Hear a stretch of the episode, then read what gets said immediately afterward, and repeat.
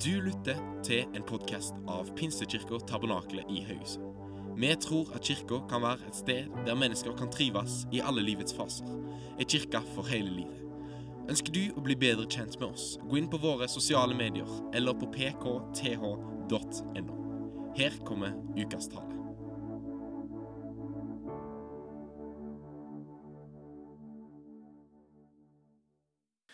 Så fint. Godt å se dere alle sammen. Um, hvis du har Bibelen med deg, så kan du finne fram til første kongebok, kapittel 17. Vi er i en serie her i kirken hvor vi har sett på kong Salomo.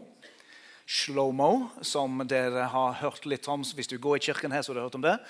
Um, denne søndagen så flytter vi fokuset fra Salomo til Elia. Eh, kanskje den mest kjente profeten i, i uh, Det gamle testamentet, på en måte, men også i forhold til Det nye testamentet. Men vi skal lese fra vers 1 til og med vers 7, og så skal vi se på hva, hva som ligger i Guds ord i dag.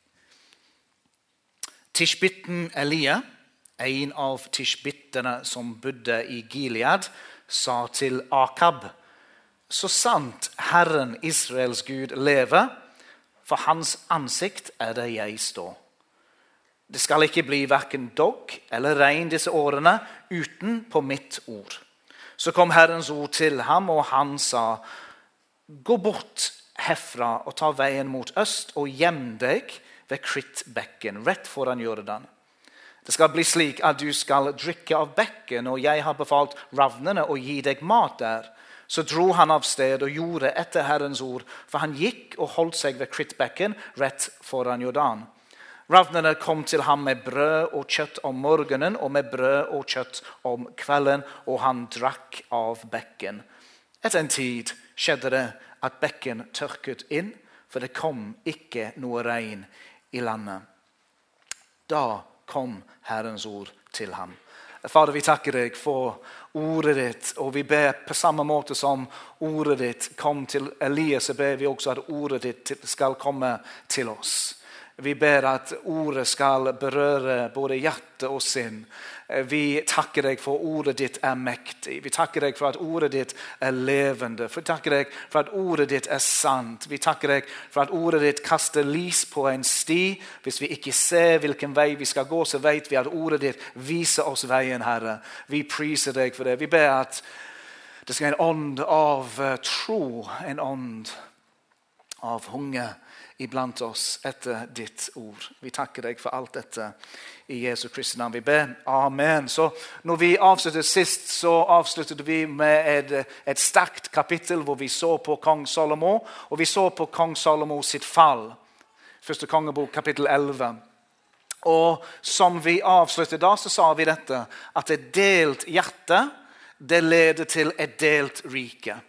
Og det er jo dette som skjer når vi ser på konsekvensen av Salomos valg, altså hans innvendige konkurs, om du vil, hans moralske og åndelige frafall, det at kong Salomo begynte å vende seg mot avguder og vende seg vekk fra Israels gud, det fikk konsekvenser. Og fikk ikke bare konsekvenser for sitt eget liv, men det fikk konsekvenser for landet, for folket, for nasjonen. Og hans valg og du kan si sprekkene som ble skapt gjennom hans hjertets utroskap, førte seg videre inn i generasjon etter generasjon etter generasjon. Så Nå leste vi første kongebok kapittel 17, men alltid er det slik når vi leser Bibelen, så må vi forstå konteksten. ikke sant? Vi kan ikke ta et vers og bare forsøke å forstå det uten sammenhengen og konteksten som den er skrevet i. Og Konteksten for første kongebok 17 er første kongebok Nei da, ok, greit. 16! Ja, takk. Og første kongebok 16 Vi skal ikke ta tid til å lese det, men, men, men, bare for å på en måte skape forståelse for det, så er det konge etter konge etter konge etter konge som vender seg vekk fra Gud. Eh, det er en beskrivelse av nasjonens frafall. Ikke kun en manns frafall og, og litt små konsekvenser. Men, men, konge etter konge etter konge etter konge Eh, antall kongene tror jeg er siv. Det er fem generasjoner, så det tar tid. Men vi ender opp med Akab som den siste kongen, og en konge som vi skal lese litt om etter hvert. når vi går gjennom serien. Men Akab endes som den ondeste av dem alle. Og når du leser rekken av kongene i første kongebok 16, så er det ikke en, en god liste av konger. Er, den var ond, og den gjør slik, og han var ond, og han hørte ikke på Herren, og han begynte å tilbe avguder. Altså, det blir bare verre og verre og verre og verre. Og det vi ser, er at landet, Israelslandet, det slaktes innvendig. Det er fullstendig åndelig og moralsk kollaps på innsiden, altså i sjelen. Du hadde ikke sett dette hvis du så landet i seg sjøl. Hvis du så landet i seg sjøl, så ville du tenkt det er rikdom. Det er jo bygninger, det er jo velstand, det er en sterk militær. Altså, I det ytre så ville du tenkt at det går all, altså, det går bedre enn det noen gang har gått før. sant? Men på innsiden, sjelen i landet, der var det en fullstendig kollaps. Det var et par, par tanker rundt bare det før vi begynner på teksten. Det og dette er at det er ikke slik at alle har et godt hjerte. Iblant så hører man det. Ja, man har nok et godt hjerte med det. Og hun har nok et godt hjerte. Iblant så hører man dette når man uh, bor i Vesten, og man tenker grunnleggende at alle har et godt hjerte. Men vi kan jo bare slå fast når vi leser Bibelen, at ikke alle har et godt hjerte. Noen er onde. Noen vil gjøre mørke ting, onde ting. Og Det er en beskrivelse av slike mennesker i 1. kongebok 16. Og Det andre er at tid leger ikke alle så. Man kan jo bare tenke når man ser frafall, og når man ser noe som ikke er bra, at ja, men det går nok over. Ja, vi, vi, får bare håpe at det ikke blir slik i lang tid framover. Det kommer nok noe nytt etter hvert. Men, men slik var det ikke. Det var ikke slik at Selv om den ene kongen, den første underkongen ble borte, ja, men, men da steg det fram en, en, god konge. Nei, nei, nei. Det varte og det varte og det varte. og det varte. Så tid i seg sjøl, det leger ikke alle så. Og kanskje, og det blir kanskje litt feil, men det er kanskje enkelt å tenke Hvis du tenker på den verste mennesket i moderne historie Du kan tenke på forskjellige og Jeg skal ikke nevne noen navn på det, men, men historisk tenke på mennesker som har påført verden onde ting. Slik er Akab. Altså Akab, som vi kan, skal lese om nå, dette er en ond, ond mann. Og nå er han konge i Israel. Det er så fattig åndelig at vi klarer nesten ikke å beskrive ordene. Og jeg sier dette for at det, det, det, Da forstår vi hvor vi er henne når vi begynner i vers 1 i kapittel 17. Det er frafall. Det er mørkt. Det er en leder som ikke bryr seg om sin. Sin hva det? Hva, hva, hva, hva skal jeg bry meg om det? Jeg gjør som jeg vil. Der er Akab. Og vi kjenner hans kone som heter Jesabel. Hun skal vi ikke snakke om denne søndagen, men vi kommer til henne etter hvert. Men vi blir i alle fall kjent med Tishbitten Elia. Tishbitten. Det var ikke noe dårlig navn. Det er lettere å si Auklandshamn enn Tishbit, er det ikke det? Det er jo det. Det er lettere å si uh, Åkra men Tishbit, hvor i all verden er det? Tishbitten? Det, tishbit, ja, Hvor er det? Ja, Det vet vi jo ikke. Vi aner ikke hvor Tishbit er. Vi finner ingen kart. Så antageligvis så er det et såpass ubetydelig sted, et såpass lite viktig sted, at de har ikke tatt det med i noe kart eller på noe som helst annen måte hvor vi kan vite hvor det er. Så han var en Tishbit. Han var en Tishbittene fra Tishbit. Men så får vi en liten detalj til. Og det er vår, dette, altså at han da var på et sted som heter Gilead. Og Gilead, det vet vi hvor er. Så hvis du har besøkt Israel eller besøker Israel, så er vi ofte i Galilea-området. Og når du er i øvre Galilea, så kan du besøke en by som heter Beit Shean. Når du er i Beit Shean, så kan du om det er i bussen eller om du går ut av bussen og kikker, så kan du se mot Jordan. Du kan kikke mot øst. Og Da ser du Jordan. Og Når du ser i den retningen der, så ser du at landskapet det er ørken. Landskapet er Midtøsten-fjell. så høyde. Det er et hardt landskap. Det er et krevende landskap. Skal du bo der, så må du være du må være tøff. Du må på en måte forstå at her er ikke ting lagt til rette for at du skal trives. Du må finne maten selv. Du må tåle at det er et, et, et varmt og hardt og krevende landskap. Det er på en måte der ingen skulle tro at noen kunne bo. Det er liksom den plassen der. ikke sant? Og, og her bor nå han. Og så får vi vite litt flere detaljer om han. Ikke altfor mange. Vi får en liten detalj i andre kongebok. Kapittel 1 så står det om Elia at han var veldig hårete. Jeg vet ikke hvorfor vi får sånne detaljer, men det står det at han har veldig mye hår. Og han hadde en skinnbelte. Det får vi med oss også. Så de som eh, kommer fra Trøndelag, de liker sånt. Men vi får liksom ikke, han kommer ut av ingenting. Sant? Det er litt sånn mystisk med han. Vi, ikke, vi bare vet at han er en han, tishbit. Han har bodd i Gilead. Det er et vanskelig område. Det er krevende å bo der. Og så dukker han da plutselig opp i vår fortelling. Jeg vet ikke hvem du ser for deg. Jeg har litt sånt aktivt uh, fantasi på disse tingene. her. Så jeg så for meg med en gang Lars Monsen. Jeg, jeg vet ikke om det er det er greit å si noe slikt, men um, Gilead på langs eller noe sånt. Men han var veldig hårete i alle fall. Han kom jo ut av ingenting. Og Han kom ikke ut av ingenting og plutselig er en eller annen plass, men plutselig så står han foran kongen. Så han forstår, Det er sånn dramatisk. Ingen plass. Plutselig så er han i palasset og når han er i palasset, så står han foran kongen, og så proklamerer han noen ord til kongen. Han, han er bare der. Og hvordan han har kommet forbi, om det er sikkerhetstjeneste eller, eller vakten vi, vi, vet ikke. Men han står plutselig foran kongen, og når han står foran kongen, så sier han Så sant Herren Israels Gud lever. Vi, vi sa noe om Mikael i forhold til navn. Elia det betyr 'Jave er min Gud'. Amen. Det er et fint navn, det også. Jave, han er min Gud. Så sant Herren Israels Gud lever, for hans ansikt er det jeg står. Det skal ikke bli verken dog eller regn disse årene uten mitt ord. Så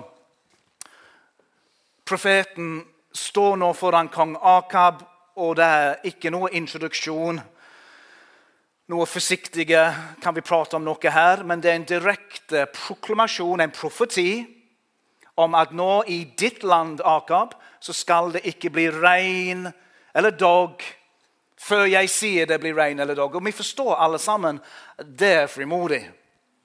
Det, det er rimelig djervt. Og, og, hvordan kan han stå foran og si noe slikt? Det, det, det kan ikke være fra hans fri fantasi eller en innskytelse på innsiden å si slike ting. Det må være noe sikrere, det må være noe tryggere, og det er det. Og hvis du, det ikke, hvis du har Bibelen, så skal jeg bare lese fra 5. Mosebok, kapittel 11. Så bare lese et lite, lite, tekst der, og jeg vil at du skal bare legge merke til dette. Og Det står det i vers 10 kapittel 11.: For det landet du kommer inn for å ta i eie, er ikke som landet Egypt som dere dro ut fra. Der du sådde såkornet ditt og vannet det med fotkraft som en grønnsakshage. Men det landet dere nå drar over for å ta i eie, er et land med høyde og daler som drikker vann fra himmelens regn. Et land som Herren din Gud har omsorg for.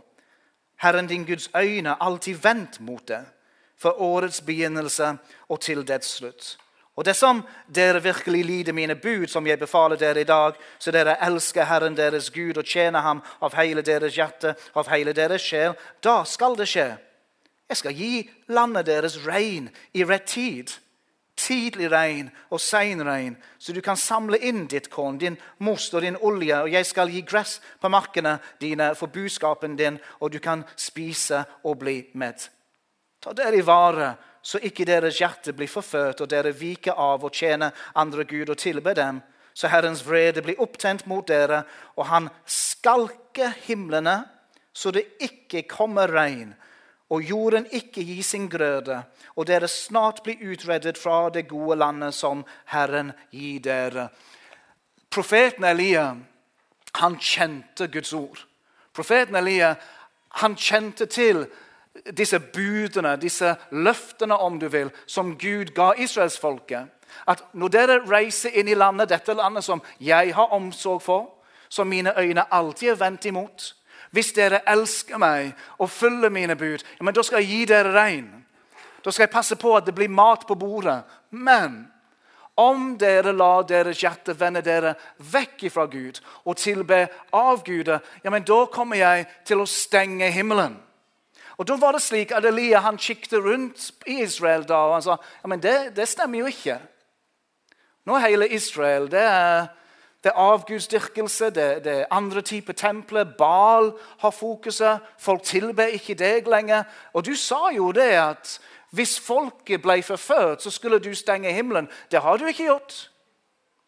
Så hva er det Elia gjør? Vi vet at Jakobs brev sier at Elia han ba.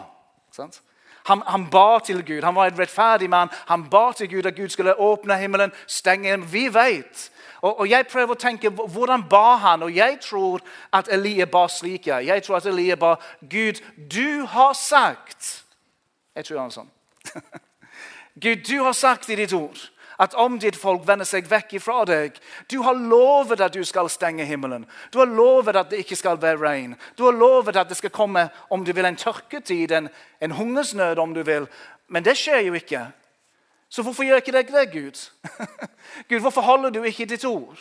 Gud, hvorfor, hvorfor la ikke det som du har sagt, bli virkelighet? Og Jeg tror at Elie var en av disse frimodige, djerve bønnemenneske som hentet troen sin fra Skriftene.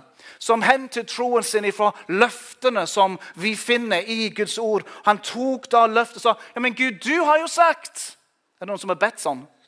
Noen som har lest en løfte i Bibelen, og du kommer på en situasjon og du kjenner at omstendighetene er slik, men Bibelen sier dette. Hva gjør jeg da?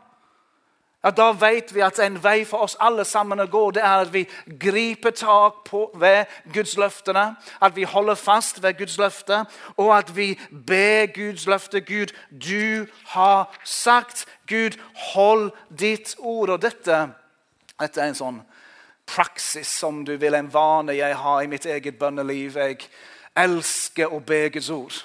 Iblant kan det være vanskelig å be. Iblant så vet man ikke helt hvordan man skal be. Men jeg, kan, jeg, jeg, har lært meg at det er en veldig fin gave vi har i Bibelen når det gjelder å lære å be.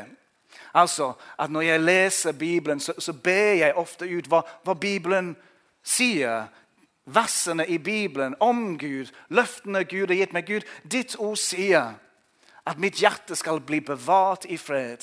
Takk for at det er et løfte som jeg kan holde fast med. Gud, du har sagt at du skal fullføre din gjerning i mitt liv. Herre, det, det føles ikke helt slik ut nå, men, men, ha din vei i mitt liv. La din vilje skje. Altså, Han tok løftene som Gud hadde gitt. Og når vi ber slike bønner, som er bønner som er fylt av Guds ord, vet du hva som skjer med oss? Jo, Det er to ting som skjer med oss. For det første så ber vi etter Guds vilje.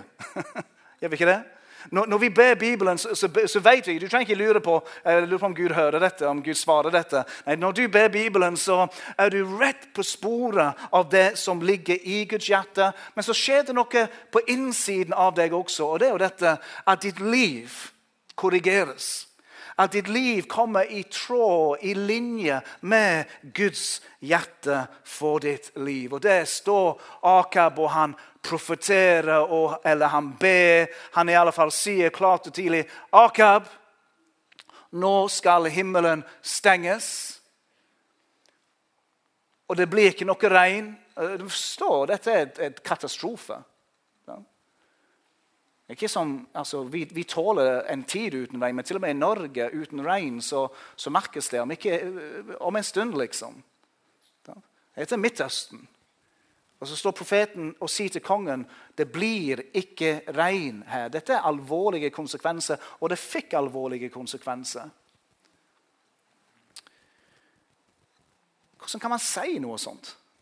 Hvordan kan du stå foran en konge, en ond konge, ikke en nådig konge, en, far, en farlig konge, og si at nå stenges himmelen?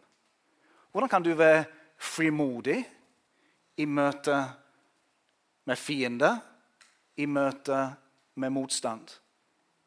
Hvordan kan du være en frimodig kristen i et samfunn som ikke heier på deg, og ikke ønsker å høre Guds ord eller evangeliet? Og Sannheten er enkel, og det tror jeg vi alle sammen forstår. at Elia han hadde bøyd kne for kongenes konge og herrenes herre. Og Når du bøyer ditt liv, når du bøyer ditt hjerte, når du bøyer dine tanker for kongenes konge og herrenes herre, ja, da kan du stå foran en hvilken som helst konge, en hvilken som helst sjef, en hvilken som helst leder, en hvilken som helst stemme som ønsker kanskje deg ikke godt, men du har lært deg at 'jeg frykter én' mer enn jeg frykter noen annen, og det er Javes Jave, det er Israels Gud, det er Jesus Kristus, det er Faderen, Sønnen og Den hellige ånd. Han hadde lært å bøye sitt hjerte. Han hadde lært å bøye sitt liv. Og det er jo klart at Dette er en enorm konfrontasjon mellom Jave og Baal. Og Baal er jo ikke en gud. Baal er en avgud men det finnes nok åndskrefter her. Det er ikke tvil om at når vi snakker om avguder, og profetene sier at disse avgudene de kan verken se, de kan ikke høre, de kan ikke tale De er, de, de er ikke guder. Men det er mørke krefter der. Det er det i alle fall.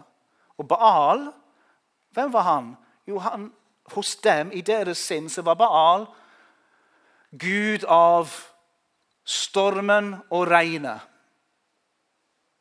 Han var gud av høsten, og han var gud av fruktbarheten. Baal var den gud som de sa skulle gi oss regn. Så hva er det Elias sier? Elias sier Jave, han er min gud. Han er den eneste Gud. Og min Gud, han skal stenge himmelen. Du sier, Akab, at Baal er Gud. Ja, Hvis han er Gud, da, så får han åpne himmelen. Men du skal jammen vite hvem det er som stenger himmelen her, og det er Jave. Min Gud, han lever. Å! Hvilken frimodighet. Eh, bli inspirert, altså. Jeg blir utfordret når jeg ser på Elia. For Elia har en djervhet og en frimodighet som det lukter svidd av. Vi kan ikke si noe annet. Det er sterkt å se på. Fordi at i samtiden også så var han ikke alene. Det var 7000 andre profeter, men hvor var de henne? De hadde jo gjemt seg, jo. De var i hule og følte at dette er for farlig. Vi må, vi må ha det litt komfortabelt. Vi må ikke rocke båten. Ja, tenk hva som skjer med oss hvis vi sier noe om vår Gud. Ja, det går nok over.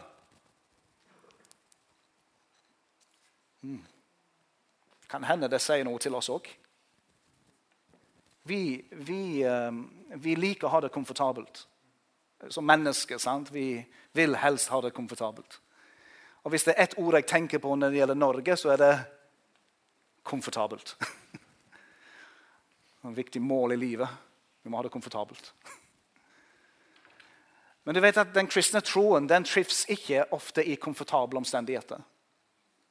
Det er svært sjelden du ser vekkelse i komfortable miljø.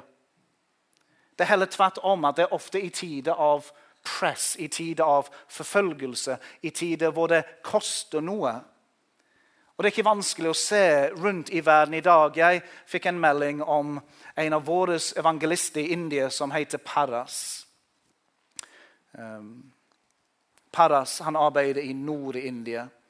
Og Han ble nylig angrepet og, og, dette er noe som skjer oftere og oftere for kristne i, i India. Først så ble han angrepet av politiet, hvor de slo han i knærne med noe, så han ble skadet. Og så ble han anklaget av politiet for å bortføre ei jente som er, som er blitt en kristen. da. Så de tok han til, til politihuset. Og det kost, det, det, dette, dette, kunne føre til mange mange år i fengselet. Jeg har ikke mye tid til å ta hele berettelsen, for den er ganske lang.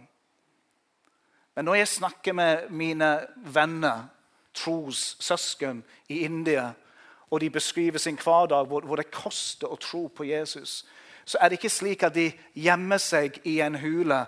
Det er heller 'Nå blir det bra, dere'. Det, nå, nå, vil vi glede oss når, når, det er slike tider. For, for vet du, da, kan vi erfare Den hellige ånds kraft som om vi ikke på nye måter, på andre måter De opplever en enorm erfaring av hjelpen og kraften og evangeliets gjennombrudd når de går gjennom slike tider. Ja. Så Vi er et rom her i Haugesund, og vi er forskjellige mennesker. Men det kan være en oppmuntring til oss når vi ser på Elie, til å også tørre å være vitne for Jesus der hvor vi er. Så Jeg vet ikke hvor du er, men jeg vet at for mange så kan dette oppleves vanskelig iblant å si at 'jeg tror på Jesus'. Vanskelig iblant å bringe din kristne tro inn i samtale. Men Elie kan være en, en, en oppmuntring til oss.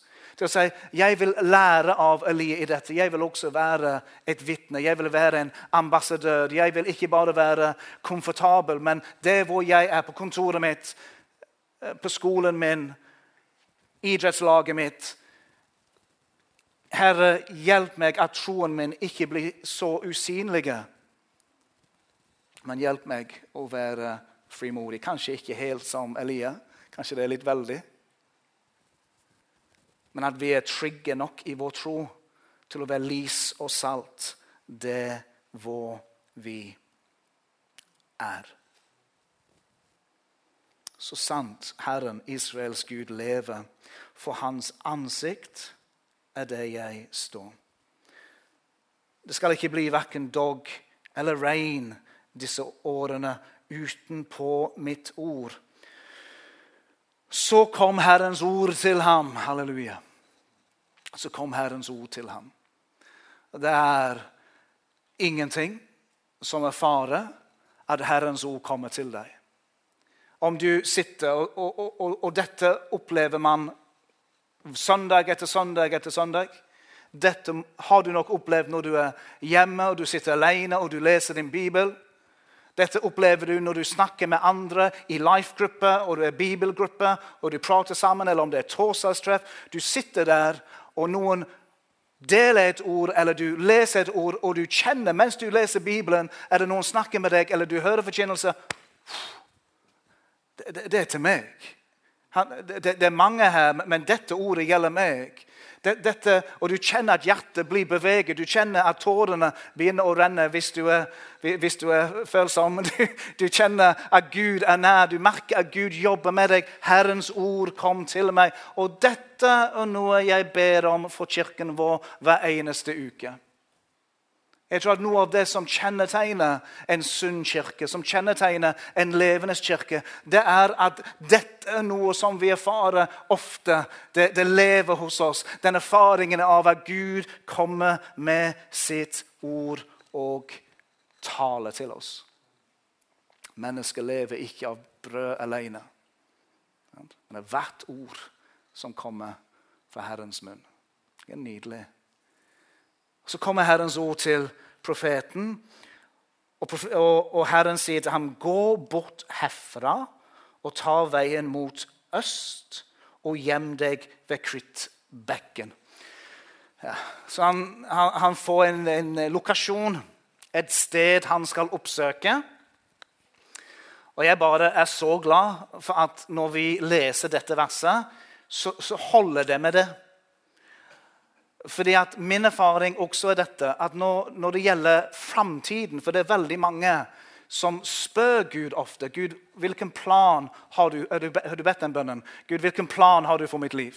Gud, Gud hva, hva, hva, ønsker du for de neste to år, tre år, fire år? Gud, kan du vise meg kartet? For nå, nå vet jeg ikke helt hva du har for meg. Ja, hvor er jeg om ti år, Gud?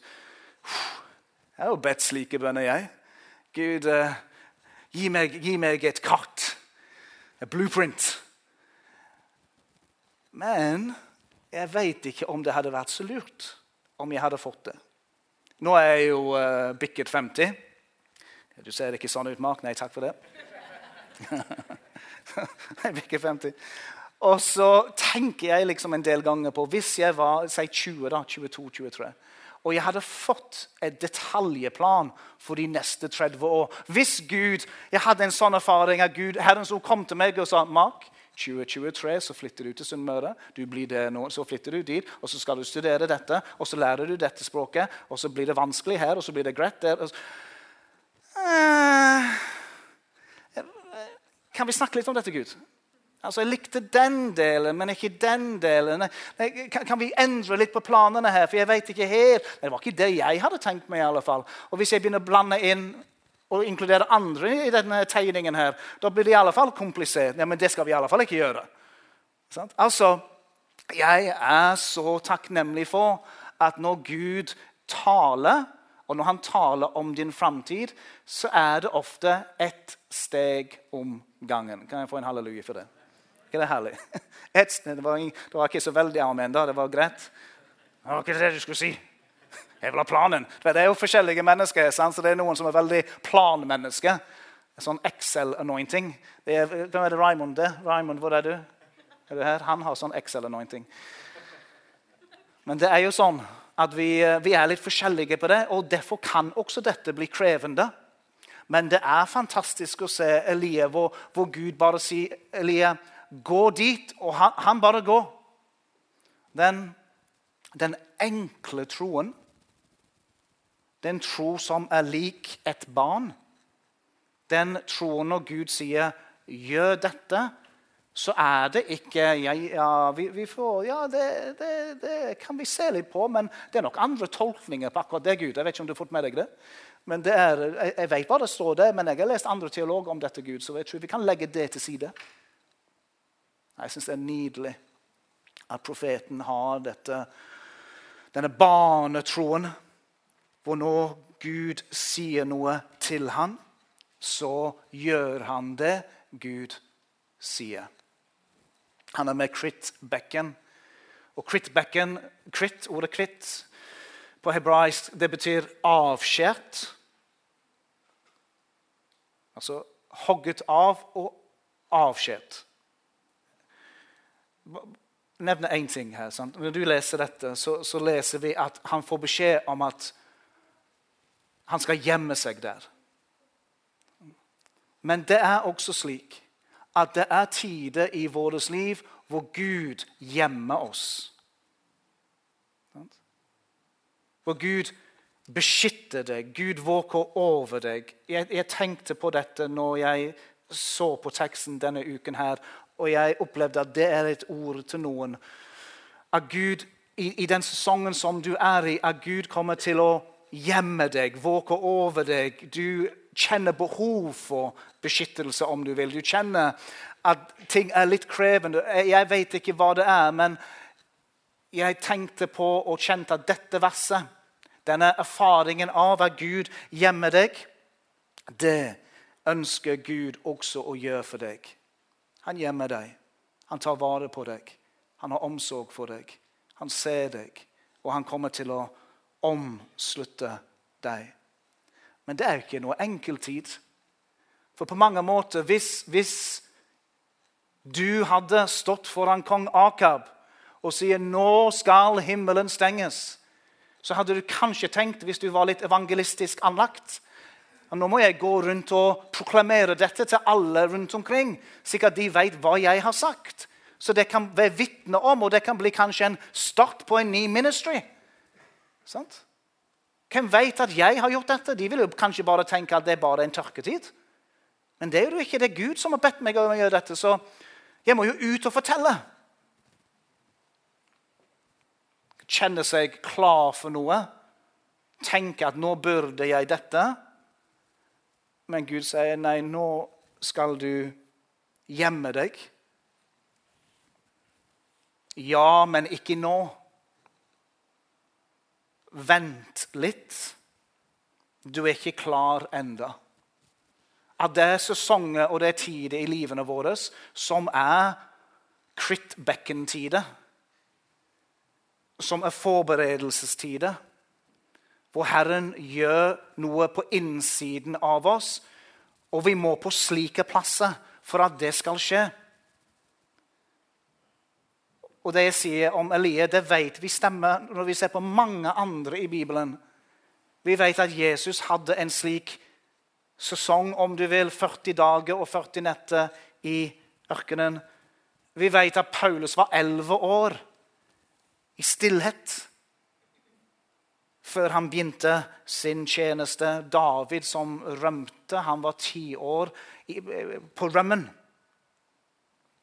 Og nå er det Elie sin tur. Det er Elie sin tur. Elie skal forberedes.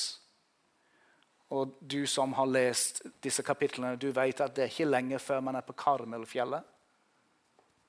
Det er ikke lenge før Elie opplever kraft og bønnesvar og ild fra himmelen og gjennombrudd og vekkelse, hvis vi skal bruke det ordet. Men jeg tror ikke det hadde skjedd hvis ikke Elia hadde vært med Critbecken. Altså, det kan være at Gud tillater slike sesonger. Fordi det ligger en annen type sesong her som krever at man har gått gjennom noe på innsiden.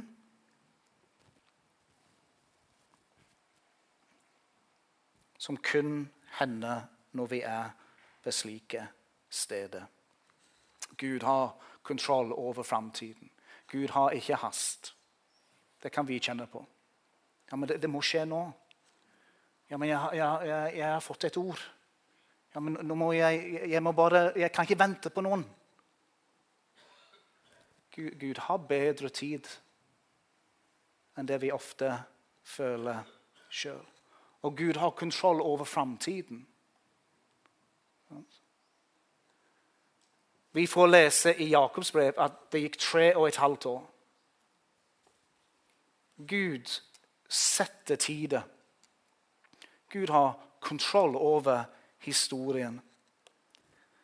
Og det med kunne profeten tale slik han gjorde. Og Gud forsørger. Nå er profeten ved krittbekken, og Gud våker over ham, så han, han er gjemt i Gud, om du vil. Men Gud også forsørger ham. Det er fint. Gud passer på at han får vann og mat. Han er med bekken, så du har noe som er naturlig. Og så må vi jo alle sammen innrømme at det er en litt spesiell matleveringstjeneste som eh, profeten får. Det er ravn som leverer kjøtt. Jeg tror ikke de leverer brød. Jeg tror brød er litt sånn Gamle testament manneopplevelse. At Gud gir de brød. Men det er, litt, det er litt spesielt, for ravn i Det gamle testamentet de er urene dyr. 3. Mosebok 11. De er kjøttetende. De, de er urene dyr. Men Gud bruker urene dyr for å forsørge profeten. Ja, Gud kan ta noe, noen, som vi ikke hadde trodd han ville bruke. Men han bruker det til hans ære. Får brød og kjøtt. Han får en oksburger hver dag. Det er fint. Jeg tror ikke det var Big Mac, da, men oksburger det var det i alle fall. Han opplever Guds forsørgelse. At Gud har omsorg for ham. Skal vi avslutte her? Og så var det slik sant? at han kommer til Critbecken. Og Critbecken gir han næring, vann, og han får mat fra fuglene. Men så sier teksten at Critbecken gikk tom for vann. Det ble tørt. Det er jo en konsekvens av det han har profetert. Det er ikke vanskelig å forstå. Men har du noen gang opplevd at Gud har ledet deg til noe, og så oppleves det at det går at det blir tørt.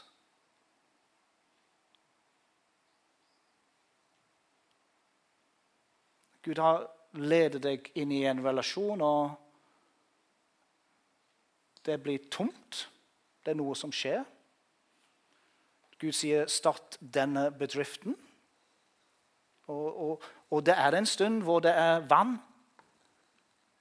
Men Gud sa jo du skulle, men det, så skjer det noe, og det er ikke vann der lenger. Noen kan ha vært i en kirke, og du trivdes der, og det gikk fint, men så, så var det noe. Det, det, det, ble tørt. Og så fant man et annet sted. Så Gud kan lede oss til noe samtidig som det kan gå tørt. Og hva er igjen svaret for profeten Elia? Jo, Svaret er akkurat det samme som var i vers 2. At også i de sesongene hvor du kjenner nå, nå er det tørt, nå går jeg fast, nå jeg, jeg, jeg savner liv, jeg savner vann, så er svaret igjen Så kom Herrens ord til profeten Elia. Det er alltid slik. Det er alltid slik at veien igjennom de sesongene hvor krittbekkene går tomme, så er det slik at hva er det jeg trenger mer enn noe annet? Jo, jeg trenger Herrens ord. Jeg trenger at ordet kommer inn i mitt hjerte. Jeg trenger at du taler til meg, Herre. Jeg trenger at du forfrisker mitt hjerte, fornyer mitt hjerte. Gjør et verk i mitt liv, Herre Jesus. Helligånd, kom. Vis meg neste steget. For det blir et neste steg for profeten. Og alle disse miraklene i kapittel 17 henger sammen. Men uansett hvor du er Kanskje du har kjent at du har vært ved en krittbekk. At du har kjent at det er lite vann så vet vi at Herren både gir deg kraft til å stå, men at han også ønsker å komme og gi deg et ord fra himmelen. Et ord fra himmelen som leder deg til et sted som forløser det vannet og det livet som du trenger. Ja, Det fantastiske kapitlet som vi har fått lov til å berøre litt i dag. Men kan vi reise oss til slutt?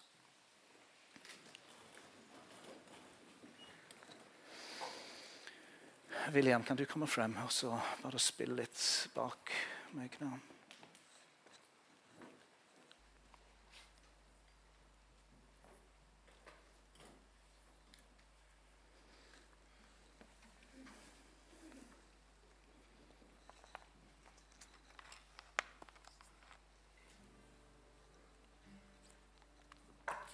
Halleluja, Herre.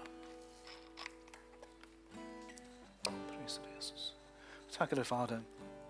Far, vi takker deg for Den hellige ånds nærvær. Og vi takker deg for ditt ord, og ditt ord som kom til profeten Elia. Herrens ord kom til.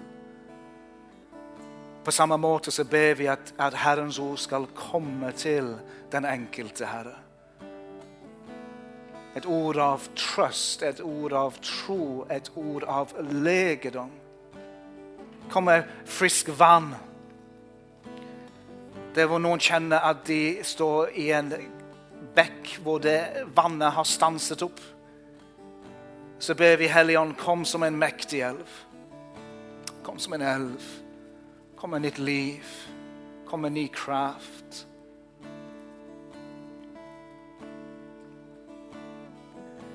Jeg takker deg for at også du gir frimodighet og djevhet, Herre. Der hvor vi kjenner at vi har blitt presset, eller kjenner at vi har mistet litt av frimodigheten. Kom med ny frimodighet. Kom med ny djevhet. Jeg priser ditt hellige navn, Jesus. Jeg takker deg, Herre. Lover deg, Fader. Ære ditt hellige navn. Det var å gjøre det sånn at hvis du, hvis du har opplevd at noe av det som vi har berørt denne søndagen,